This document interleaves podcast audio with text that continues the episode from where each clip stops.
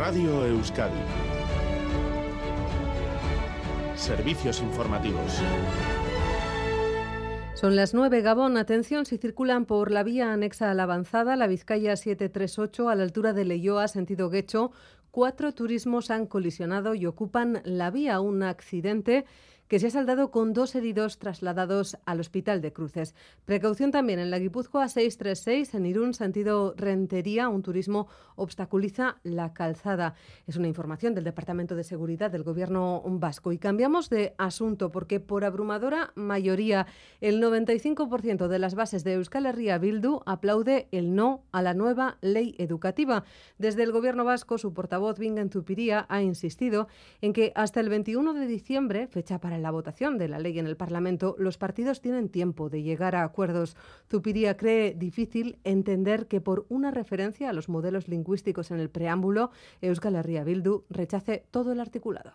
Es difícil de entender que un partido político que no presentó una enmienda a la totalidad ahora se descuelgue eh, del texto completo de esa ley. Insisto en que creo que hasta el 21 de diciembre hay todavía margen, si hay voluntad, para alcanzar algún acuerdo esto cuando hace unos días el socio del PNV en el gobierno, el PSE, a través de su líder, Eneco Andueza, sostenía que este no de Bildu es una magnífica noticia. Lo entiende como una ley alejada de obsesiones independentistas. Esto porque han logrado blindar los modelos A, B y D, una línea roja para Bildu.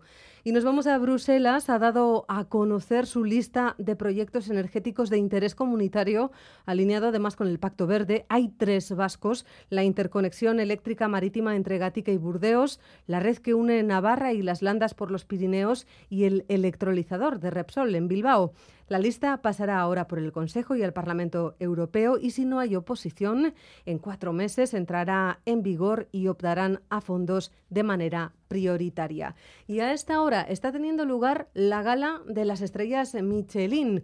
Todavía se están repartiendo y entre los primeros agraciados constan algunos vascos. El restaurante Chispa en Aspe se lleva su primera estrella, otra para Cabo en Iruña, también para Martín Berasategui y una mención especial a toda una carrera para Juan Mari Arzac, pero seguro que nos dejamos alguno. Eder Menchaca, Gabón. Gabón sí, son algunos de los que has comentado, varios los galardones que llegan a Euskadi. Navarra los vamos conociendo, comentamos las novedades, una estrella para Aspe en Vizcaya y otra que va para Navarra.